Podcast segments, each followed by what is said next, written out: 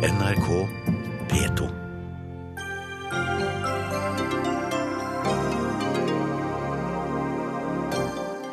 De fire samarbeidspartiene har blitt enige om et statsbudsjett for neste år. Alle er vinnere fordi alle har tapt like mye, sier NRKs kommentator. Vi overbeskytter barna våre, og det er å gjøre dem en bjørnetjeneste, mener idrettsprofessor. Det er klart vi skal beskytte barna våre, svarer barnepsykolog. Og guilty pleasures er noe vi liker, men skammer oss over å like. Nå er det på tide å slippe tak i skammen, mener musiker Sandra Kolstad.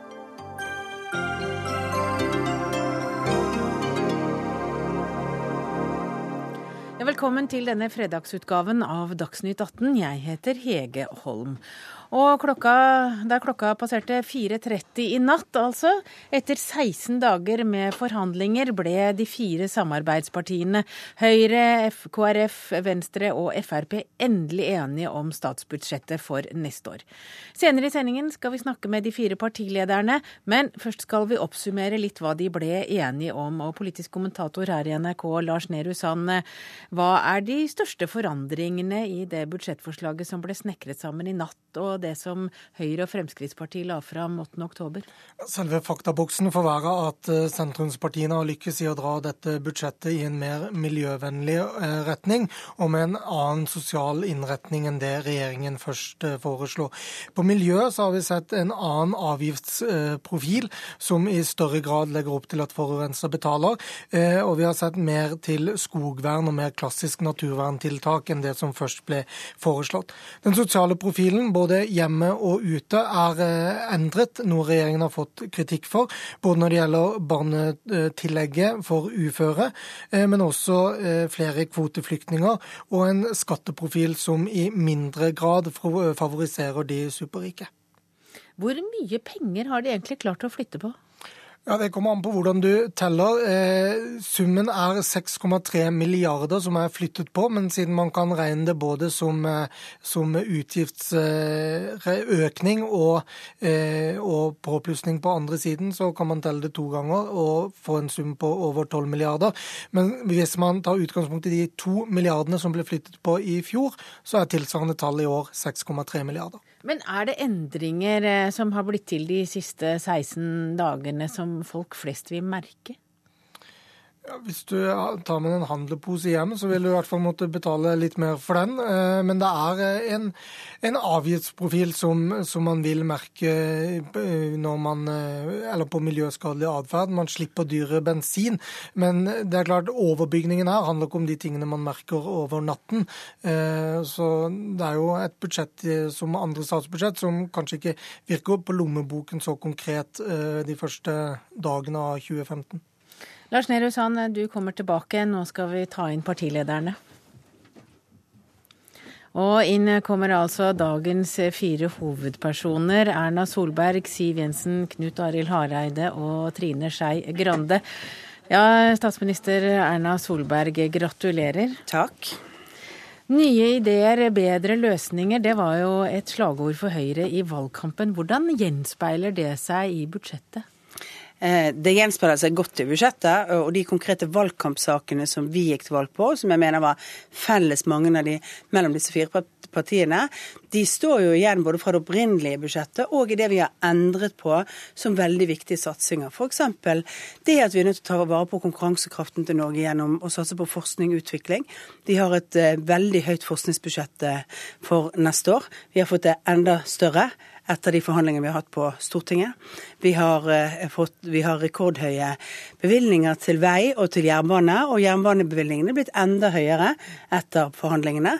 Vi har eh, på, på, skattesiden bevart en hovedprofil, selv om skattelettelsene er noe mindre enn det vi opprinnelig foreslo.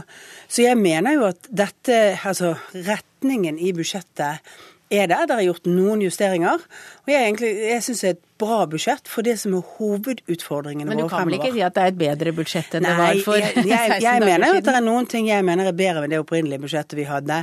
Men så mener jeg det er veldig mye bra i det nye. Men det, det er litt sånn, på, på, på mange områder så kan du, si at, kan du velge å si at det er ikke noe i det budsjettet som er forhandlet på Stortinget som jeg er imot. Sant? Men hadde, vi hadde kanskje noen andre prioriteringer som vi satt litt foran. Og så er det jo sånn, disse fire partiene har alle fått satt sitt preg på budsjettet. Eh, Og, og det er òg viktig for en regjering som trenger å ha støtte i Stortinget for å kunne gå videre med den viktige omstillingen av norsk økonomi som vi trenger fordi vi har noen store utfordringer foran oss. Og Det skal vi snakke litt mer om. Du skal jo også få møte Jonas Gahr Støre litt senere. Men, eh, men hva var det mest krevende i forhandlingene? Ja, det tror jeg er litt forskjellig fra hvert enkelt parti hva man opplever som Ja, men Nå tenker jeg hva du, eh, hva Høyre opplevde. Hva du har fått gjengitt. Du har vel ikke vært med, du har ikke vært med hele veien? Nei da, og eh, jeg tror eh, det krevende er jo å finne rom til å gjøre store forandringer når man har andre prioriteringer på utgiftssiden. Så skal man finne inntekter til det. Det er alltid krevende i alle budsjettforhandlinger, og det har det vært denne gangen òg. Så er det krevende med det punkter hvor vi egentlig har litt motstridende politikk. For Høyre sin del er ikke så mange krevende spørsmål som ligger i den avtalen vi har, vi har laget nå. Men det er klart at på noen områder så kunne vi tenkt oss litt andre prioriteringer. Men det er jo vi, fikk, eh, altså, vi har fått gått gjennom vårt hovedgrep i hovedbudsjettet, og eh, på mange områder så er det, er det blitt bra satsinger også gjennom dette. Finansminister Siv Jensen, eh, hvordan vil du forklare Frp-velgerne at de kan være stolte av det kompromissbudsjettet som dere har lagt fram i dag? For det første fordi eh, de viktigste satsingsområdene til regjeringen, som er helse, kunnskap, samferdsel, kommuneøkonomi og ikke minst justissektoren, eh, både har rekordbevilgninger neste år og på mange områder har blitt styrket gjennom disse forhandlingene. Og Det er jo viktig, for dette er området hvor disse fire partiene i langt på vei er enige om at vi må forsterke innsatsen. Vi trenger å få gjort eh, helsevesenet bedre og mer fleksibelt for pasientene. Vi trenger å få bedre lærere i skolen. Vi trenger å skape tryggere samfunn. Og ikke minst så trenger vi å få fart både på veibyggingen og eh, kollektivbygging, jernbanebygging. Og det blir det med dette budsjettet. Og så er det jo selvfølgelig også sånn at mye av det de har forhandlet, som Kristelig Folkeparti og Venstre har vært veldig opptatt av å få gjennomslag for, er på mange områder ting vi er enig i. Uh, og det syns jeg er veldig bra, for da er det ikke sånn at man kommer ut av en forhandling og er veldig sure på hverandre fordi man må måtte svelge veldig mye. Uh, og det syns jeg er bra, fordi det landet trenger nå, er klare, tydelige budsjettvedtak som uh, sikrer arbeidsplasser inn i en litt mer krevende tid. Store deler av vårt næringsliv skal gjennom omstilling. Da er det viktig at vi er opptatt av konkurransevilkår for norsk næringsliv. Det er de fire partiene. Men NHO sier jo at de mener at eh, kuttene i formuesskatten ikke står i stil til de utfordringene norske bedrifter kommer til å møte. Kan du Men det er jo, det er jo slik at eh, Høyre- og Fremskrittspartiregjeringen la frem større forslag til lettelser. Det dette viser, er at det er det ikke flertall for i Stortinget, slik Stortinget er sammensatt nå. Men vi har altså fått til lettelser eh, for neste år på 5,5 milliarder kroner. Det betyr at disse fire partiene samlet sett har redusert skatte- og avgiftstrykket siden denne regjeringen tiltrådte med 12,5 milliard. Det kommer norsk næringsliv til gode. Både gjennom at uh, ulike skatter går ned, gjennom forenklingstiltak, gjennom at vi rydder opp i en del unødvendig eh, lovverk, regelverk, forskrifter osv. Så, videre. så samlet sett så, Så de trekker dette i riktig retning. Nei, det vil jeg mene. De bør snarere tvert imot være veldig fornøyd. Og ikke minst også med samferdselssatsingen til eh, som, som nå blir resultatet. Eh, jeg tror nesten uansett hvor i landet jeg reiser, så er det to ting bedriftene er opptatt av. Det ene er skatt. Det andre er samferdsel, og begge deler leveres det på. Knut Arild Hareide, du er leder i Kristelig Folkeparti, og dere har jo flere ganger sagt at eh, dere krever en, eller ville kreve en mer sosial profil på budsjettet. Har du fått det? Ja, det har vi fått. Eh, Det er jo sånn at eh, KrF vi er gjerne med på skattelette til de som er med på å lage gode arbeidsplasser i dette landet, eh, og det har vi vært med på her. Men vi er opptatt av at det skal være en god miks, det skal være en god balanse. Og jeg syns at eh, vi alle fire kan si med stolthet at nå er det en bedre balanse i det budsjettet som ligger. Eh, Det har aldri vært et problem for oss å være med på, på skattelette nettopp til de som skaper arbeidsplasser, men det må være da. Det kan ikke gå utover sårbare grupper. Og det har vi nå, syns jeg, fått en veldig god løsning på. Men det er jo ikke alle som er helt enig i det. Det var jo bl.a. eh, har jo vært veldig mye diskusjon om støtte til eh, barn for uføretrygdede. Og der er dere jo funnet en løsning som ligger litt sånn midt mellom det dere ville ha og det regjeringen ville ha. Jeg syns vi har funnet en veldig god løsning, og jeg opplever det som i realiteten en full seier for Venstre og KrF. For det vi der gjør, er at vi beskytter, tar vare på de sårbare gruppene. Samtidig så trenger vi en legitimitet til vårt trygdesystem. Eh, det skal ikke være sånn at en skal vinne på å ikke jobbe. Og det er den løsningen vi har funnet. Samtidig som det var veldig viktig for oss å beskytte de sårbare gruppene inni dette budsjettet. Så er det jo sånn at, eh, som finansministeren sier her, i dette budsjettet her så lå det store satsinger på kommuneøkonomi, på helse, på samferdsel. Det er vi i KrF veldig glad for. Men vi var opptatt av, ikke minst da, å få gjort noe med den sosiale profilen. Det kan vi trygt si at det har vi fått gjort. Vi var opptatt av å få gjort budsjettet grønnere. Det kan vi òg trygt si. Og òg ivareta en enda bredere distriktsprofil. Og når vi virkelig har greid de tre tingene, så kan vi virkelig si at vi har satt et stempel på dette budsjettet. Er det ingenting du er lei deg for det du ikke klarte? Selvfølgelig. Jeg eh, skulle gjerne gått lenger på en del ting. Eh, det, og det tror jeg eh, det gjelder alle vi fire som sitter her. Ja, Hva er det du gjerne skulle ha fått gjennom som du ikke klarte? Altså, Jeg kunne gjerne gått lenger både på den grønne profilen og på distriktsprofilen. Men så ser jeg òg på et område som er spesielt viktig for KrF. Det er internasjonal solidaritet. Der har vi nå 1% av BNI går til verdens fattige. Og det, og vi har fått gjort òg noe med at vi tar imot flere flyktninger. Det er utrolig viktig i ei tid der vi altså ser at vi opplever den mest krevende flyktningsituasjonen etter andre verdenskrig. Finanspolitisk talsmann hos deg, Trine Skei Grande. Han, hadde dårlig, han hadde, fikk vondt i magen forrige gang da budsjettforslaget ble lagt fram i oktober. Men i dag sitter du her smilende, så det betyr at dere i Venstre føler at dere har fått det gjennomslaget dere ønsket? Ja, Det var mange ting vi var fornøyd med. Vi var fornøyd med forskningssatsing, og det skjer mye bra i forhold til næringsliv. og Det er mange ting som vi var enig i. Vi ønsker jo at vi skal fjerne formuesskatten, men vi mente vi må ta det trinnvis og i de, de, minste summene først. Så det var mange ting som var riktig. Det som provoserte oss veldig, var jo at det var en avgiftsprofil der som gikk veldig feil retning på miljø. Og så syns vi at det var for lite i forhold til spesielt fattigdom blant barn, som, som vi hadde varsla kom til å være våre fokusområder. Eh, og det har vært tøffe tak, og vi har sovet lite. Og vi har stått på for å komme i mål, men eh, vi var veldig fornøyd i dag når vi hadde gruppemøte og oppsummert litt for hva vi har fått til, så ser vi at vi nå har det første statsbudsjettet vedtatt på Stortinget som kommer til å føre til nedgang i CO2-utslipp fra norsk transport. Eh, det gjør vi gjennom avgiftslettelser på nye grønne områder. Og vi ser at vi nå endelig har en satsing på de aller fattigste barna. De mest marginaliserte ungene skal få hjelp både i forhold til barnehage og i forhold til mange andre tilbud som sørger for at de skal få en like god start i livet som alle andre. Er det viktig for dere å få denne avgiften på plastposer og papirposer på én krone? Nei, det er ikke viktig. Vi foreslo én krone, men vi foreslo det ikke inn i, i, i, i forhandlingene. Papirposer har vi vært imot å ha avgift på, men dette er en saldering som er gjort i i forhandlingene. Og dem som eh, var til stede under de forhandlingene, hørte meg si mange ganger at jeg ikke syntes at dette var en klok eh, inndekning å gjøre. Men vi fant ingen andre inndekninger, og da enda vi med den, den avgiften. Og det gir en milliard mer i kassa, altså? Ja, det er, noen, det er, noen, avgifter vi kan bruke også for å få inn penger, men det også kan være med å, å endre atferd og føre til at vi bruker mindre oljebaserte produkter. Men i deres alternative budsjett så foreslo dere 13 eh, Altså dere ville ha 13 milliarder i grønt skatteskifte, og det ble 2,7. Er dere fornøyd med det? Ja, vi skjønner at vi ikke får rent flertall for Venstres program. det skjønner alle i Venstres gruppe. Og det er sånn, Nå har de blå lagt fram sitt forslag, da så alle det. Nå har vi lagt fram vårt forslag, og nå ser alle hva det blir når vi må samarbeide og deale oss imellom fire partier, der alle skal ha sine seire. Og da er det klart at da hadde nok vi ville ha hatt litt mer avgifter på, på noen ting. og så klarer vi ikke å bli enige med det med Frp. Og da blir vi enige om at vi skal slippe, de, uh, slippe opp på de avgiftene som kan få virkning, som vi da gjør på biodiesel, på plug-in-hybrider. Og da fant vi det vippepunktet oss imellom som gjør at uh, Siv kunne bære det i sitt gruppemøte, og jeg kunne bære det i vårt gruppemøte.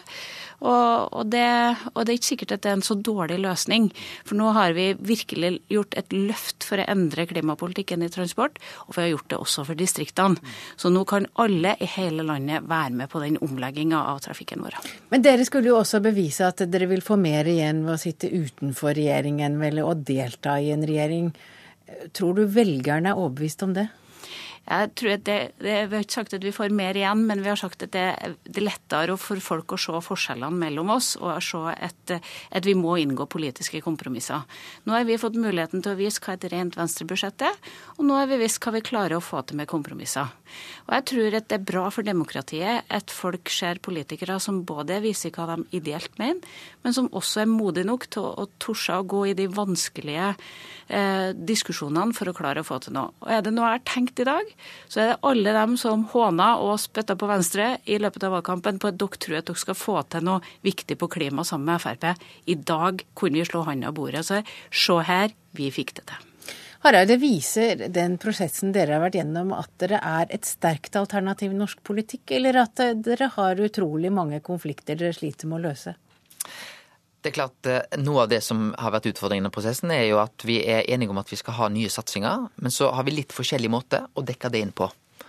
Eh, det tror jeg òg for så vidt preger de rød-grønne i sin tid. Eh, men jeg syns vi har vært ganske kreative, funnet gode løsninger på det. Og så har da KrF fått flere lærere for de minste elevene. Det tror jeg det er ikke noe problem for, for noen parti. At vi får flere barnehageplasser, heller ikke noe problem. Men vi har hatt, brukt litt tid på hvordan skal vi finne penger til å få det til? Eh, men jeg syns vi trygt kan si at vi har funnet gode helhetsløsninger. Eh, og ikke minst så har da nå i denne omgang Venstre og KrF fått satt sitt tydelige preg på budsjettet. Det nikkes rundt bordet? Ja, øh, og så tror jeg tror folk må huske at selv om vi i åtte år hadde en, en flertallsregjering, så betød jo ikke det at det ikke var diskusjon, det var bare at man så den ikke. Den foregikk på lukkede rom, den foregikk ikke ute i det åpne landet, den foregikk før sakene kom til Stortinget. Det som er forskjellen nå, er at demokratiet virker. Det er ute i det åpne rom. Mange av disse diskusjonene det skjer på Stortinget etter at høringsinstanser på Stortinget har fått, fått lagt frem sine saker, si hva de mener er bra, og hva som de ikke syns er så bra med, med, regjeringens budsjett, og så skjer det reelle endringer på bakgrunn av det. Det, det har jo revitalisert Stortinget. Jeg registrerer at det er noen som mener at dette viser kaos eller annet. Jeg sier nei, det viser demokrati, det viser politisk håndverk. Det har også skjedd de siste åtte årene, men da har det skjedd på, på, i, i, i, regjeringsrommene. Eh, og jeg tror nok det kan ha vært like tøft, for jeg hørte her en morgen en debatt mellom Helga Pedersen og Snorre Valen i SV om eh, hva egentlig Arbeiderpartiet hadde ment om barnetillegget i uføretrygden når de satt i regjering. Og det hørtes ikke ut så det hadde vært en hyggelig diskusjon det, mellom de to partiene. Men Siv Jensen, NRK hadde jo en måling her i november hvor dere gikk tilbake 5% Tror du det er, eh, tror du det er et, et resultat av budsjett og budsjettkrangel? Det er i hvert fall sånn at i den tiden som ligger foran oss, så får velgerne litt mer ro til å se hva budsjettet faktisk kommer til å bety for dem neste år. De siste ukene har jo handlet veldig mye om eh, beskjedent eh, del av statsbudsjettet. De viktige satsingene på skole, på helse, på samferdsel, på et tryggere samfunn med mer politi i gatene, har jo nesten ikke vært diskutert. Satsingene er gode, og de har blitt tatt veldig godt imot. Men det er jo det folk er opptatt av i hverdagen sin. Eh, at eh, de får bedre samferdselstilbud, og at de lever trygge liv og har en jobb å gå til. Det kommer samlet sett dette budsjettet til å styrke neste år. I tillegg til at folk får beholde litt mer av sine egne penger. Jeg mener det er bra. og nå får vi på en måte den støyen og det spillet og spetakkelet som i hvert fall deler av den rød-grønne opposisjonen syns jeg har bidratt ganske mye til. så får vi litt mer tid til å vise frem helheten i budsjettet. Jeg må si det, jeg har jo vært sint noen gang inni det rommet, det kan jeg innrømme. Men kanskje en av de tingene som har vært mest irriterende, det er dem som omtaler det som vi har holdt på med nå som politisk spill. For det er det virkelig ikke.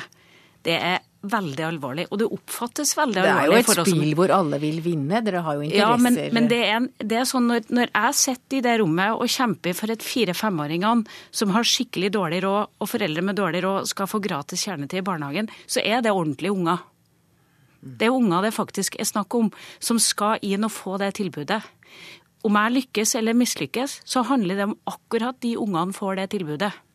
Derfor så oppfattes det som veldig alvorlig å være der. Det, det er virkelig store avgjørelser du skal ta, og det omtaler det som et spill, og, og at det er bare et spill mellom oss partiene og sånn. Nei, jeg tror vi mener oppriktig de sakene vi kjemper for. Og, og det, det, er klart at da må vi av og til deale oss imellom, men jeg syns det er bra at de dealene syns. At folk får se at dette er politiske dealer vi har gjort, men det er faktisk med et oppriktig engasjement vi har gjort det. Takk til Siv Jensen, Knut Arild Hareide og Trine Skei Grande. Erna Solberg blir sittende. Og inn eh, kommer altså eh, Jonas Gahr Støre, leder i Arbeiderpartiet. Og du har sagt at dette er et budsjett som tar Norge i feil retning. Og hva mener du med hvilken retning? Nei, Det jeg mener er at jeg tror Høyre og Fremskrittspartiet har oppsummert eh, dette forliket best, egentlig. De har sagt at hovedgrepet i det budsjettet som ble lagt fram for noen uker siden, består. Og når jeg leser dette, så syns jeg det er en dekkende beskrivelse. Hovedsatsingen som det budsjettet hadde, som jeg så det, det var dette store skattekuttet eh, som gikk til de som hadde aller mest. Eh, det er litt endret, men det består. Og så mener jo jeg at budsjettet ikke har de rette svarene på de store utfordringene vi står overfor. Et budsjett handler jo om hvordan du bruker handlefriheten. Det er masse penger vi er enige om her, og det er mye vi er enige om i budsjettet når det gjelder samferdsel og satsinger på en lang rekke områder. Men eh, det, det kjennetegnet ved det budsjettet som ble lagt, syns jeg eh, står også ved dette. Men hvem er det det går utover? Nei, altså Det er jo gudskjelov sånn i Norge at fra ett år til et annet så fører du ikke et statsbudsjett til at noen uh, kommer alvorlig ille ut eller veldig, veldig bra ut. Vi lever i et ganske jevnt samfunn. Men når vi ser på de utfordringene vi har med et uh, folk som, hvor vi blir flere, flere i byene, flere eldre, klimautfordringer, så mener jeg at satsingene her på kommunenes evne til å drive god velferd, sykehusenes evne til å gjøre det de var lovet, nemlig å ruste opp kapasiteten sin. De ble lovet 3 milliarder i året, de får to. Eh, det som skjer på kommunikasjons-kollektivtrafikken eh, i de store byene, det blir et løft, men ikke nok. Eh, så den type satsinger mener jeg ruster oss for svakt for det som kommer fra 2020 og utover. Eh, og så eh, registrerer jeg at eh, det er skjedd endringer i det forliket som kommer. Venstre og Kristelig Folkeparti har vel trukket på noen områder dette budsjettet mer i retning av de flertallene som er på Stortinget. Det var ikke flertall for mange av de usosiale grepene som ble tatt. Det var ikke flertall for en mangelfull klimasatsing. Eh, så vil jeg jo tro at eh, det de brukte opp mot tre uker å forhandle fram der, kunne de fått på kanskje tre dager eller tre timer i Stortinget, for det er bred flertall for det. Men mye av det kommer vi til å være for. Eh, og det har jeg sagt som leder av Arbeiderpartiet, at det regjeringen foreslår som vi mener er bra for Norge, det kommer vi til å stemme for og innarbeide hos oss. Og det vi er imot, det kommer vi til å markere oss imot. Kjører dere landet i feil retning og med et usosialt eh, budsjett, eh, Erna Solberg? Nei, jeg mener dette både et sosialt budsjett og det er et veldig ansvarlig budsjett for fremtiden. Og det går i riktig retning mot det som er hovedutfordringene for Norge. Og det som slår meg, det er at Arbeiderpartiet kjører en retorikk eh, hvor, de, hvor, de, hvor jeg ikke hører at de har definert hva utfordringen egentlig er for Norge. Det er altså sånn at neste år så faller oljeinvesteringene betydelig. Det betyr at eh, det blir et av de første årene på mange mange år hvor eh, ikke oljen, oljeaktiviteten bidrar til veksten i norsk økonomi. Altså, det, det, Veksten må hentes andre steder fra for, for å gå videre. Og det, det vil bli litt bedre eh, når, når Johan Sverdrup kommer i produksjon og, og, når arbeidet begynner der, men det vil være en utflating av den aktiviteten. Det betyr at omstillingen av det norske samfunnet må gå raskere, fordi vi har ikke de siste åtte årene jobbet med det som dreier seg om å gjøre resten av det norske samfunnet konkurransedyktig, eh, utvikle næringsgrunnlaget på de andre områdene enn det som er oljerelatert. Der mener du at fjerne f.eks. formuesskatten? Der mener jeg at et skatteopplegg som både stimulerer til det å arbeide, men også som stimulerer til å investere i norske arbeidsplasser, er viktig. Da syns jeg det er en rekordhøy forskjell forskningsinnsats er utrolig viktig. Vi har altså vridd rundt og brukt mye mer midler på de, på de virkemidlene som bidrar til innovasjon og nyskaping i næringslivet. Det har blitt enda bedre med det vi har gjort på Stortinget nå i dag. Så dermed så, så er jo på alle de områdene der, så er jo dette et budsjett Ja, det er en ny kurs i forhold til tidligere. For det betyr at vi begynner å ta fremtidsutfordringene for Norge på alvor, noe man ikke gjorde tidligere. Og da er det jo sånn at Arbeiderpartiet har også lagt fram et alternativt budsjett. Og jeg mener at det å sørge for at flere betaler formuesskatt neste år, sørge for at flere betaler toppskatt, sørge for skatteskjerpelser for alle eh, i forhold til vårt opplegg, og enda og, og mange i forhold til det som var Arbeiderpartiets opplegg eh, og det som ble vedtatt i, for inneværende år på Stortinget, det syns ikke jeg er svaret på de omstillingsutfordringene. De gjør det dyrere å investere i bedrifter. de gjør det dyrere for, på marginalskatten for alle. Det er feil svar i den situasjonen vi er nå. Eh, vårt skatteopplegg er en sømløs videreføring av det det var i 2013. Det var et godt år for norsk økonomi. Eh, et av de beste økonomiene i Europa på den tiden. Det er ulike strategier her. Jeg mener at eh, Arbeiderpartiet mener, vi mener Men dere ser vel en del av de samme utfordringene? Jo, men la meg, la meg si at de, de, fremtidsutfordringene statsministeren beskriver, er jeg enig i. Men det er uenighet i strategi. Vi mener at uh, dette skattekuttet, som da går til de aller rikeste, 50% av kuttet går til under 5% av skattyterne, er ikke rett strategi for å møte de utfordringene.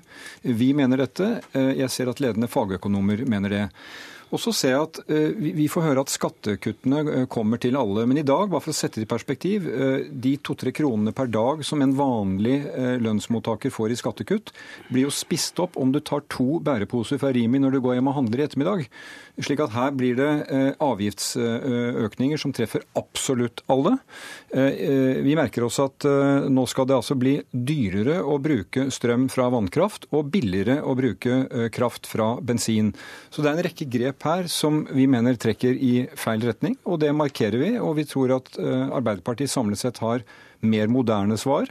Virkemidler som treffer bedrifter, næringsliv eh, i den hverdagen de står i, og som samtidig har et øye for den virkeligheten kommunen er i. Nå får vi rapporter rundt om i Norge fra kommuner som kutter, rådmenn som forbereder kutt inn i 2015. Det har vi satt av penger i vårt budsjett til å uh, forhindre.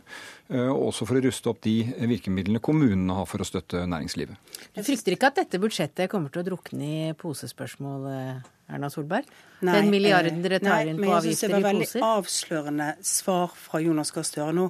De har lagt seg opp på 2013, skatte, skatteopplegget sitt, og det var et veldig godt år. Ja, vet du hva, det kommer sannsynligvis historisk til å være det året Norge hadde høyest oljeaktivitet. Det er altså å se bakover Arbeiderpartiet gjør, ikke fremover. Nettopp det året vil kanskje historisk være det som sier at det var da vi burde ha begynt skiftet for lengst. Arbeiderpartiet holder tilbake til 2013. Men det er altså mindre impulser fra oljeaktiviteten i årene fremover. Og da, det, da, må vi ha et høyere tempo i omstillingen av de nye bedriftene. Og ha en straffeskatt på det å investere eh, i at nordmenn skal investere i norske bedrifter, syns jeg er lite lurt. Derfor så senker vi den straffeskatten. Og når Arbeiderpartiet da også øker marginalskatten for alle som er i jobb, fra 27, altså med å øke, øke den alminnelige skatten fra 27 til 28% igjen, når de sørger for å ikke justere innslagspunktet for når du betaler toppskatt, så betyr det at mange av de som har helt vanlige jobber i Norge, kommer til å måtte betale toppskatt som ikke gjorde det før. De prisjusterer heller ikke engang innslagspunktet på bunnfradraget på formuesskatten, som gjør at over 100 000 000 flere sannsynligvis må betale formuesskatt neste år på Arbeiderpartiets opplegg. Det er feil vei hvis du skal skape omstilling i et samfunn. Men, men statsminister, det er bare det at eh, jeg opplever at dere har gått dere fast i at svaret på omstillinger, svaret på de store utfordringene, svaret på alt vi må igjennom fordi at vi får mindre oljeinvesteringer, det er å kutte i formuesskatten. Og dere må bare leve med at det er ikke alle som tror på det. Det er ikke som alle mener at det er det riktige grepet, at det er den viktige prioriteringen i handlingsfriheten. Vi tror ikke på det. Vi viderefører et skattenivå. Vi er åpne for, og hadde håpet dere nå vil invitere til en bred debatt om skatt. Det kommer nå om noen få uker en gjennomgang av selskapsskatten. Vi vil være Og da skal vi invitere dere ja, og tilbake. Det ser jeg frem til. Vi skal være åpne og frimodige i den sammenheng. Statsminister Erna Solberg og leder i Arbeiderpartiet Jonas Gahr Støre. Og da er det siste post på budsjettprogrammet i kveldens sending. Det er eh, Lars Nehru Sand som kommer tilbake igjen i studio, og Marie Simonsen, politisk redaktør i Dagbladet. Eh, først til deg, Marie Simonsen. Eh, du sier i en kommentar i dag, eller skriver, at budsjettprosessen viser at de fire partiene ikke er en god match. Hva legger du i det? Det er vel ikke akkurat uh, genialt sagt. Altså, uh, dette visste vi jo under uh, valgkampen, at de sto langt fra hverandre på enkelte områder. Og det det, det, viser, er jo at avstanden handler ofte om ting som hvor det er enten-eller. De er for eller mot. Og dermed så får du sånne budsjettkamper som du har hatt nå, hvor én må vinne og én må tape. Det er, det er nesten vanskelig å finne kompromisser der. Og det så man jo f.eks. når eh, Frp satte ned absolutt foten. De ville ha eh, dette avgiftskuttet eh, på bil og, og drivstoff. Og, og da eh, var det snakk om enten-eller. Og du Lars Nehru Sand, du sier at her har alle tapt og alle vunnet like mye.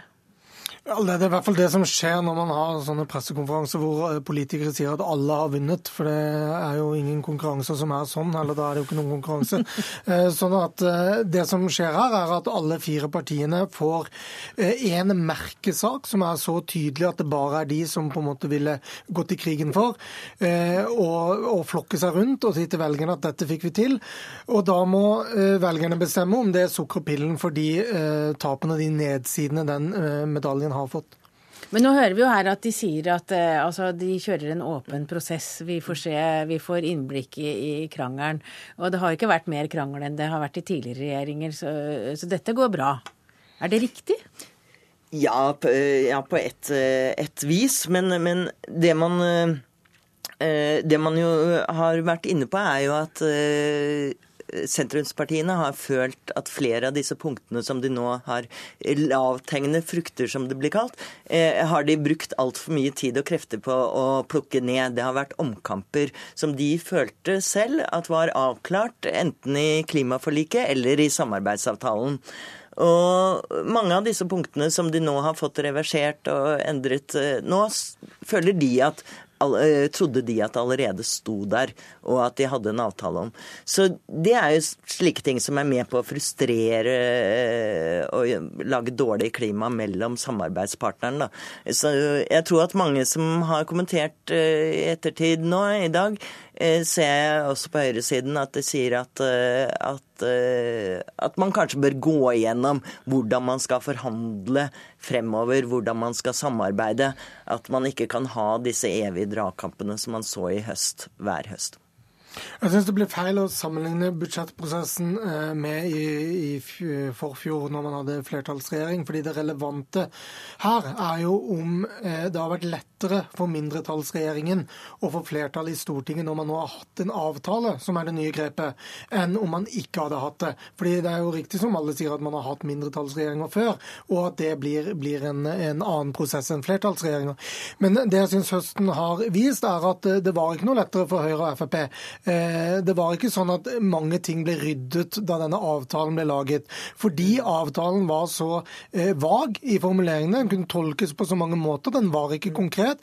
og Derfor så har det blitt så store dragkamper, som Simonsen også sier, om enkeltbeløp, om enkeltprinsipp, hvor det har stått stelt mot hverandre.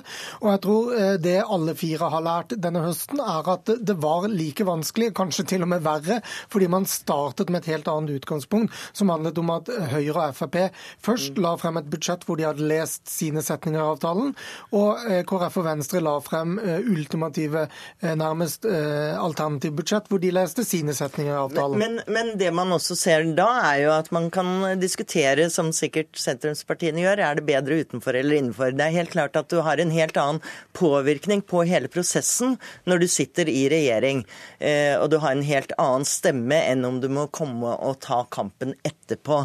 Fordi at, eh, som Erna Solberg også var inne på, så er det jo flyttet på veldig, veldig lite. Det er bare en uh, bitte liten andel av uh, budsjettet som, som de har nå forhandlet om og flyttet på. Mens de store linjene, de store trekkene, avgjøres inne i regjeringen uten at Venstre og KrF er direkte med. Nå ser vi ganske dårlige meningsmålinger. altså Frp gikk tilbake 5 Høyre gikk tilbake 3 mens Arbeiderpartiet var på 40% i november. Er det bare pga. budsjettbråk, eller er det en tredd. Det er, eh, det er, helt klart at det har vært et eh, svært uheldig grep å, å, gå mot eh, flertallet på den måten ved å kutte i trygd på den ene siden og gi enorme skatteletter på den andre. Det er rett og slett ikke flertall blant velgerne på det. Og så har det, dette slått, slått, dårlig ut langt inn i Høyre, f.eks. Vi har en meningsmåling i dag som viser at nok en gang at Arbeiderpartiet går rett til himmels, mens eh, Høyre og Frp går ned. Og Den viser også at det er en stor overgang av eh, Høyre-velgere, kanskje disse flytvelgerne som man ofte snakker om, har gått over til Arbeiderpartiet igjen. Så det er jo helt klart noe Erna Solberg bør merke seg. Det er jo den samme trenden som eh, NRKs måling eh, viste tidligere i måneden. Og det er jo eh, nærmest spektakulært å se hvor over natten endringen i velgermønsteret har vært etter at budsjettet ble lagt frem. Fordi Høyre, og egentlig også Fremskrittspartiet, har ligget nærmest bemerkelsesverdig stabilt på meningsmålingene i tolv måneder fra, de overtok makten. Og har etter at budsjettet ble lagt frem, fått den dette voldsomme utslaget på samtlige meningsmålinger, eh, hvor de har måttet svi for, for statsbudsjettet. Så det er, eh, det er sjeldent at det er så lett å på en måte forklare eh, en nedgang eller en endring i, i velgermassen med noe så konkret som det vi ser etter statsbudsjettfremleggelsen 8.10. Og noe av problemet her er jo også at de to regjeringspartiene er ikke enige om profilen for så vidt seg imellom heller. Altså I hvert fall ikke velgerne deres. Man ser at FrPs velgere de er jo ikke for enorme formuesskattekutt. De er jo riktignok et parti tuftet på avgiftslette og skattelette, men, men, ikke, men ikke til de rikeste på den måten som man har sett her. Takk til Marie Simonsen, politisk redaktør i Dagbladet, og Lars Nehru Sand, politisk kommentator her i NRK. Dagsnytt 18 alle hverdager klokka 18. På NRK P2 og NRK2.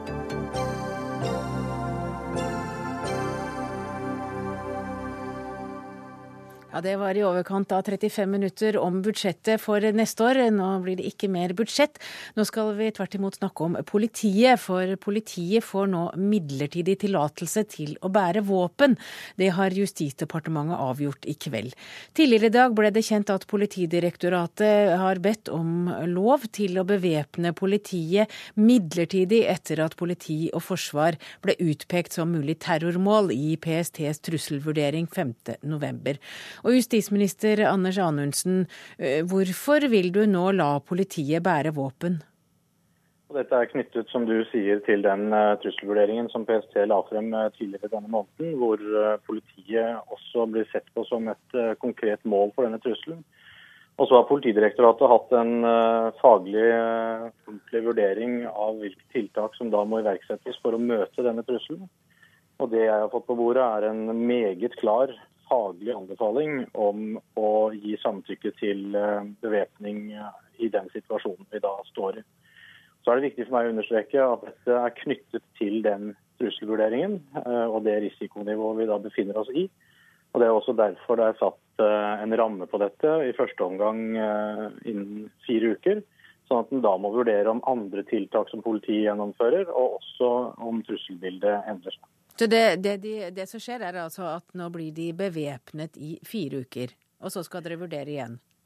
Ja, nå er det Politidirektoratet som uh, har fått et samtykke til å gjennomføre bevæpning der de mener det er riktig å gjennomføre bevæpning. Uh, det er ikke det en kan kalle alminnelig bevæpning, men det er bevæpning av det som er innsatspersonell som er uh, ute i uniform. Eh, og Så må vi da foreta en ny vurdering av det når det er gått fire uker. Har det skjedd noe i tillegg til den trusselvurderingen som gjør at politiet bør bevæpnes akkurat nå? Ja, nå er det politiet som har bedt om et samtykke. fordi de jo, men det er du som har sagt ja?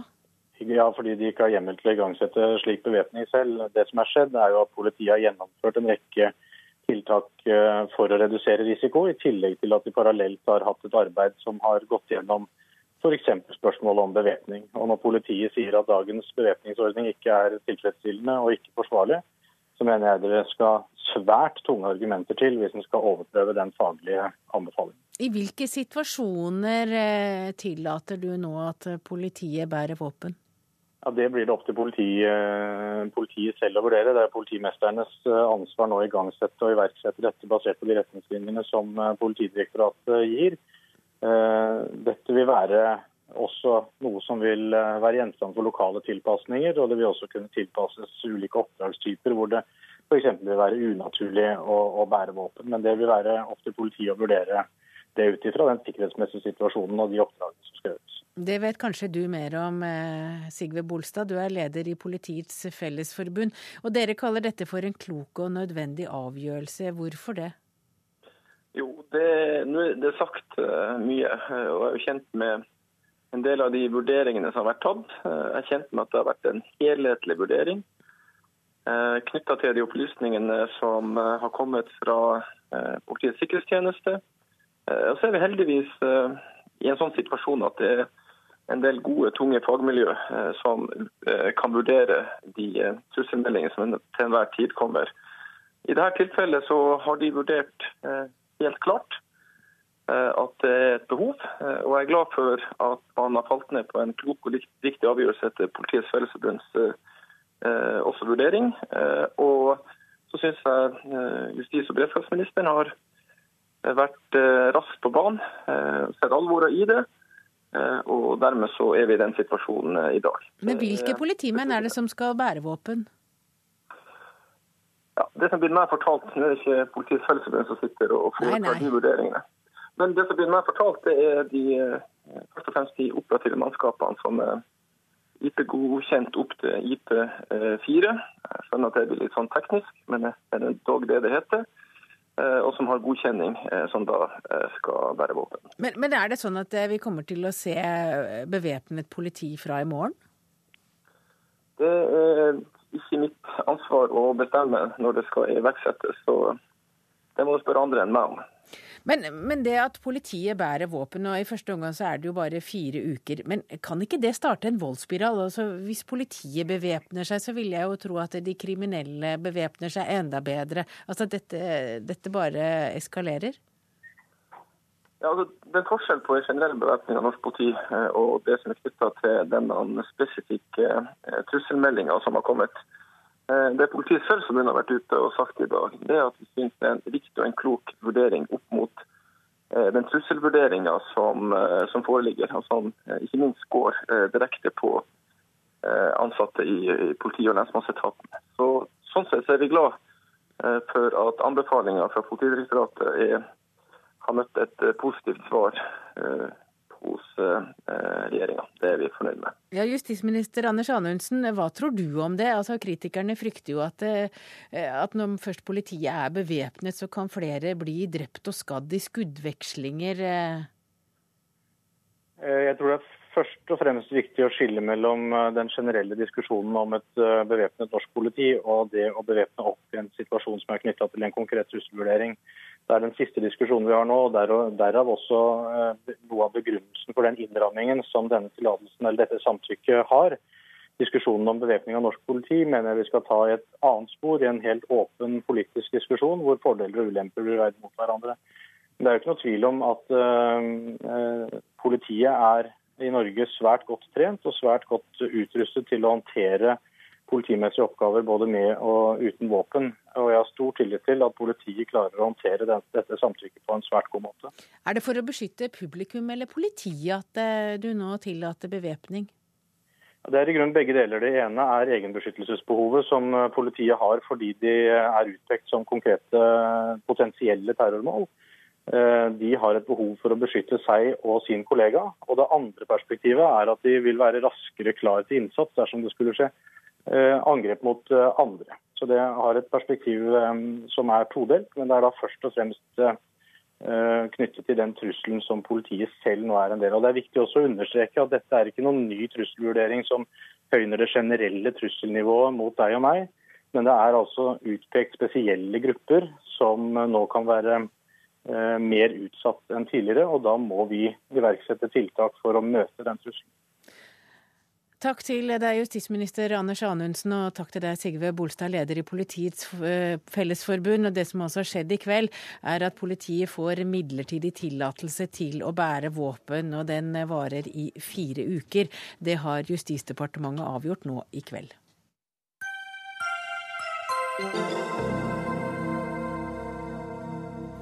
Overbeskytter vi våre barn? I ukens A-magasin mener flere forskere at foreldre gjør barna en bjørnetjeneste ved alltid å passe på å holde dem unna farlige situasjoner. Og Gunnar Breivik, du er eh, pensjonert eh, professor og samfunnsviter, og du har holdt på med i idrett i mange år, og du mener at barn overbeskyttes. Hva er problemet? Nei, Problemet er jo at Eh, barn i dag, helt fra de er ett år gamle stort sett, er i barnehage, skole, skolefritidsordning, hele tiden passet på, overvåket av voksne, masse regler og retningslinjer som de må forholde seg til, slik at barn får ikke utvikle de eh, naturlige egenskapene som barn bør ha, verken når det gjelder fysisk aktivitet, motorikk, bevegelse, eller det følelsesmessige repertoaret som de bør ha, eller det initiativet og selvstendigheten som eh, barn bør ha. Så vi, vi overbeskytter det og hemmer sånn sett deres utvikling. Ja, merker du det på studenter som eh, kommer til idrettshøyskolen? Ja, Vi har jo eh, måttet endre opptaksreglene. Nå har vi slutta med opptaksprøve, men Like før vi avviklet opptaksprøven, så måtte vi jo endre da 3000 meter for gutter til 1500 meter, for de klarte ikke å løpe 1500 meter. Hvis man eh, ser generelt på det fysiske nivået eh, blant ungdom i dag, er det dårligere enn det var tidligere. Lærerskolelærerne de forteller jo om barn som ikke kan kle seg og te seg, og er ikke vant til å være ute en hel dag. Og turene er kortere. Så det er ingen tvil om at vi har Vi ser nå konsekvensene av denne overbeskyttede, kontrollerte oppveksten, hvor man er veldig mye inne og ikke får den eh, utfoldelse som barn bør ha. Willy Tore Mørk, du er eh, eh, psykolog, barnepsykolog og professor i barn og unges psykiske helse. Og du er helt uenig, du mener at vi ikke overbeskytter barna våre. Hvorfor det? Nei, dette er etter mitt syn et mageplask. Eh, barnekonvensjonen hadde 25-årsjubileum i går. Vi hadde en stor markering i Oslo i så måte. Og det dreier seg jo om å sørge for at regjeringer og et samfunn beskytter barn mot alle typer farer. Eh, vi skal være klar over at barneoppdragelse reflekterer samfunnsutviklingen. Og Det jeg er bekymret for nå, det er at denne typen utspill legitimerer tøffhet og hardhet overfor barn. Eh, vi skal vite at i Norge i dag så er det 78 000 fattige barn. Og vi vet at sammenhengen mellom fattigdom og vold mot barn er stor. Sammenhengen mellom fattigdom og det å ikke beskytte barn, den er stor. Så jeg er redd for at denne typen utspill er, er farlig faktisk eh, i, i, i dagens samfunn. Og det er ikke slik at det er noen sammenheng mellom de fysiske eh, eh, prestasjonene som Breivik eh, antyder, og dette med at barn skal få lov til å skade seg, og barn skal få lov til å blø og skrubbe beina sine, brekke beina osv. Det er ingen sammenheng mellom det i det hele tatt. Ja, Der tror jeg du tar helt feil. Jeg vet ikke hva slags forskning du bygger på, men det er veldig mye dokumentasjon på at det å utvikle en type robusthet blant barn, det har eh, sterk påvirkning på hvordan man eh, utvikler seg senere i livet. Det er også mye dokumentasjon på at eh, fysiske ferdigheter, grunnlaget for det, legges i oppveksten. Rektor ved Universitetet i Stavanger skrev om den truende tryggheten, hvor hun nettopp undersøkte hvordan barn må eksponeres for potensielt farlige situasjoner for å lære å mestre. Ellen Beate Hansen eh, eh, ved Universitetet i Trondheim, NTNU, har jo gjennom sine studier vist hvordan barn eh, systematisk utforsker det farlige rommet i, på lekeplassene og sånn sett skaffer seg kompetanse, erfaring, mestring, som er kjempeviktig. Du er nok opptatt av de som mishandles, de som får psykiske problemer av ulik art. Jeg er helt enig med deg i det. Nå snakker vi om normale barn og en normal utvikling. og Hvis du ikke ser hvordan eh, barnehagene, foreldres oppdragelse og skolens begrensninger i dag påvirker muligheten for barns utvikling, så skjønner jeg ikke hvor du er, om du er på kontoret eller om du er ute i felten. Ja, du vet eh, Det har vært en bølge nå av, eh, av eh, synspunkter knyttet til at barn polstres og barn beskyttes altfor mye nå de siste månedene. Mange har uttalt seg. Barn er forskere fra de er født, og de, ut, de, forsker på omgivelsene sine ved nettopp å gå ut og prøve seg fram og prøve seg ut. Det er ingen fare for at dette, dette kan hindres gjennom overbeskyttelse. Og det er en annen veldig problematisk eh, holdning som du har, nemlig dette at barn må herdes. Altså jern må herdes, men barn må ikke herdes. Og disse, disse, den forskningen som går på at man må, man må, barnet må, må, utsettes for og, og eksponeres for utfordringer og, og, og, vansker for å kunne lære å takle dem, ja, det er jo en type eh, forskning som, som for så vidt Eh, det er lett å bruke i denne sammenhengen her når det gjelder å overføre den til vanlig barneoppdragelse. Det er, det er, det er feil budskap, etter mitt syn, til foreldre. Jeg tror foreldre skal fortsette med å sikre barna sine, fortsette med å sørge for at barna har en trygg oppvekst. Men Breivik, vil du gå så langt som si at eh, hvis et barn i en litt kraftig lek eller klatring brekker et bein eller en arm, så er det greit, og at det også kan gi læring?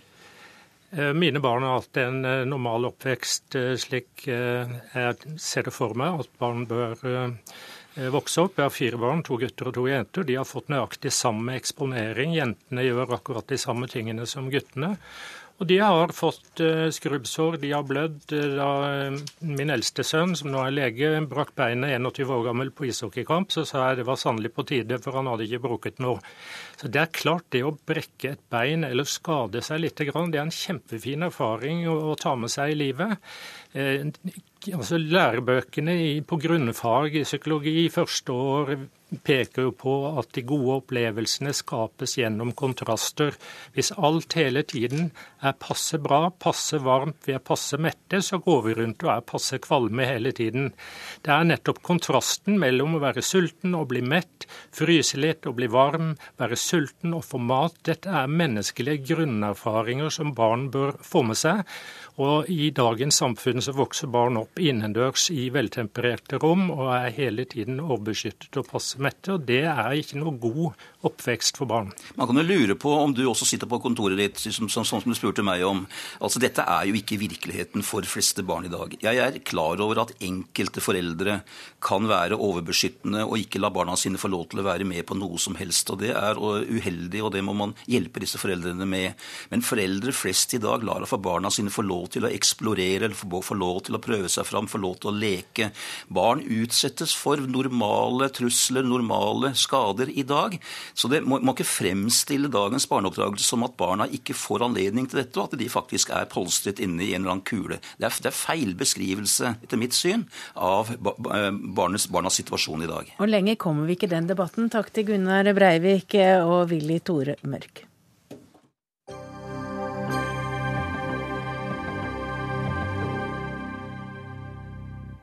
Er du en av de som innerst inne syns det er innmari fint å høre på 80-tallsmusikk, eller du elsker pompøse poplåter med saksofon, men det våger du ikke å si høyt? Og du våger i hvert fall ikke å dele spillelistene dine på Spotify. Vi kaller det guilty pleasures, og det mener du at vi snart må kvitte oss med, Sandra Kolstad. Stå fram slik vi er. Det skriver du i hvert fall på Ytring ja. i dag. Ja. Hvorfor føler du skam når du sitter og hører YouTube på Spotify? Nei, det er jo det som er spørsmålet, da, kan du si. Hvorfor gjør jeg det? Fordi en periode i livet så gjorde jeg ikke det. Da var U2 helt uh, innafor å lytte på. Men nå kjenner jeg at når jeg hører på YouTube, da tar jeg på sånn privatmodus i Spotify. For det har på en eller annen måte blitt flaut. Um, og jeg For med, hvem? For deg? Ja, for, ja, Fordi- for meg. Rett og slett. For meg. Fordi at de som følger deg på Spotify, kan se du, at du hører på YouTube. Det er jo så forfengelig. Men det er jo rett og slett det. Uh, og jeg har jo tenkt på dette med guilty pleasures, fordi på mange måter tenker jeg at det ikke er så relevant lenger. Fordi hvem er det egentlig som er flau? Altså, Vi kan jo høre på hva vi vil. Er det så farlig? Men jeg tror det at det finnes én type guilty pleasures som er litt sånn ufarlige. Som det er helt greit, som vi har en ironisk distanse til. Eh, fordi det er så langt ute, på en måte, og så langt borte fra det vi liker, at vi viser på en måte hvor innenfor smakssystemet vi er. Vi forstår hvor langt ute det er, og vi kan le litt av det. Vi har en distanse til det. Eh, Men men altså, hvis du f.eks. hørte på danseband, så hadde det for vært eksempel. eh, Det ville vært artig. Det er gøy. Det kan jeg smykke meg med, litt med. Det blir nesten sånn, Da brifer jeg litt med. At det, det forstår jeg. på en måte. Her er jeg innenfor smakshierarkiet og skjønner hva jeg driver med. Men så er det disse farlige guilty pleasuresene, som jeg kaller dem. Eh, og de er da for eksempel for meg U2, og de er sånn som man liksom bare skjønner sånn Man får sånn innblikk i seg selv at det, å nei, egentlig så har jeg ikke forstått noen ting, for dette liker jeg. Og da tror jeg ofte det handler om Jeg tror at det handler litt om emosjoner. At man, virker, man begynner å føle noe. Og da kommer det så tett på at det blir eh, flaut. Både flaut og, og nesten litt skummelt. Og så vil du ikke vise det fram. Trine Solli, du er prosjektleder og musikkjournalist eh, i NRK P3. Hvordan oppsto dette fenomenet som vi kaller guilty pleasures? Altså, jeg prøvde å oversette det i dag, men fikk beskjed om at det måtte jeg ikke finne på. Skamfulle musikalske nytelser, kanskje. Jeg vet ikke. Eh, hvordan det oppsto, litt usikker, men det er jo lett å se for seg at Guilty Pleasures en gang i tiden eh, var noe som, eh, hvis man går til eh, klubb og utelivet, noe som DJ-en satte på én låt helt til slutt. Og som, eh, som gjerne var litt svulstig, som ikke var helt innafor, som ikke var så kredibel. Og så kunne alle liksom ta henda i været og nyte det og bli sånn overrasket og glad og til og med litt rørt fordi den kredible DJ-en faktisk spilte Lionel Richie, liksom. Siste låta. Eh, men, men det som har skjedd nå, eh, fordi teknologien har gjort at eh, folk er DJs over en lav sko, det er DJ-er på alle klubber og barer rundt overalt, gjør jo at jeg tror at det spilles guilty pleasures i mye større grad. Altså, det er mye mer smørt utover, da. Og det har nærmest gått sånn inflasjon i det begrepet, tror jeg. Um, og man har liksom eh, som de sier i P3, lolla så mye med det. Altså Man har tullet så mye med den her Guilty Pleasure-låta at, eh, at det har liksom eh, det, det har ingen verdi lenger. Er det musikk du ikke vil vedkjenne deg at du liker?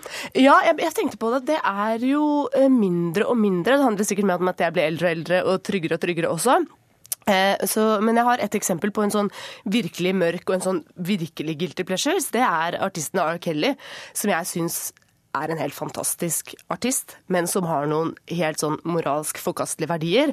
Eh, som er en pedofil eh, et rasshøl, eh, som, som gjør at det er at det, er, det føles skyldig å like ham pga. hans eh, eh, ja, moralsk forkastelige personlighet. da. Men det er jo fordi at du liker ikke historien om Nettopp. han. nettopp. Så det tenker jeg at det er kanskje det som vil bli guilty pleasures etter hvert. Fordi alle hører på ABBA og alle, eller ikke alle selvfølgelig, men det er på en måte stuereint å høre på, høre på det som en gang var guilty pleasures. For min del. Men, men, det, men det heter seg jo nå at alle kan like alt. Ja, nettopp. Men det er ikke riktig, da. Nei, det er ikke og det er jo derfor det er så ekstra sånn skamfullt å erkjenne den skammen. For meg er det det, flau, det, er det flaueste. Å innrømme at ja, jeg syns det er flaut å høre på YouTube. Fordi som Trine sier, alt skal liksom egentlig bare være helt greit. Og det er ikke noe som heter guilty pleasures, egentlig. Men så kjenner jeg at det er det. Og det er det mest skamfulle. Og egentlig så er jeg så mot Altså skam, Begrepet skam for meg synes jeg er et, et forferdelig begrep. Jeg har lyst til å gjøre skamløshet til et hedersbegrep, for det er for mye skam i verden. Og altfor ofte handler det om å skamme seg over ting som vi bare er. Vi er kvinne, vi er kropp, vi er ditt og datt, og så skammer vi oss.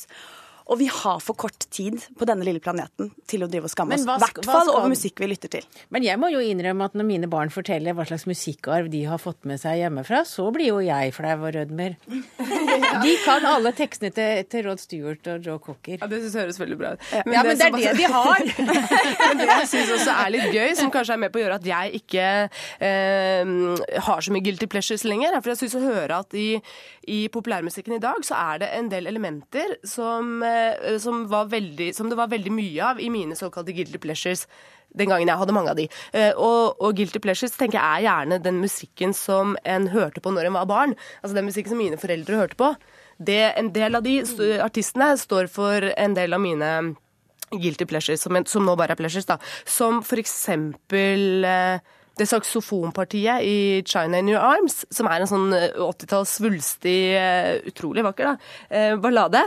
Den saksofonen, den saksofonen den har fått en ny var. For nå er jo saksofonen hipp. ikke sant? Men nå... hva tror du Sandra sier det er det som treffer følelsene våre? Det er det ja, vi syns er litt nært og pinlig? Ja, ja, ja. Men så skal det jo også sies at guilty pleasure Altså, musikk handler veldig mye om identitet. ikke sant? Som så mye annen kultur som vi forholder oss til hele tiden, så handler det om å markere hvem vi er på et eller annet vis, om vi i det hele tatt vet det selv. Det gjør vi jo ofte dessverre ikke.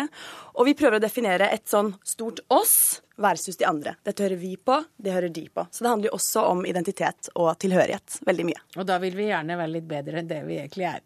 Akkurat. takk til deg, Sandra Kolstad, du er musiker. Og takk til deg, Trine Solli, du er eh, produsent og journalist i P3. Denne sendinga er veldig hastig helt slutt. Ansvarlig var Ida Tune Øritsland, og det tekniske ansvaret hadde Lisbeth Sellreite. Jeg heter Hege Holm. Vi høres igjen på mandag.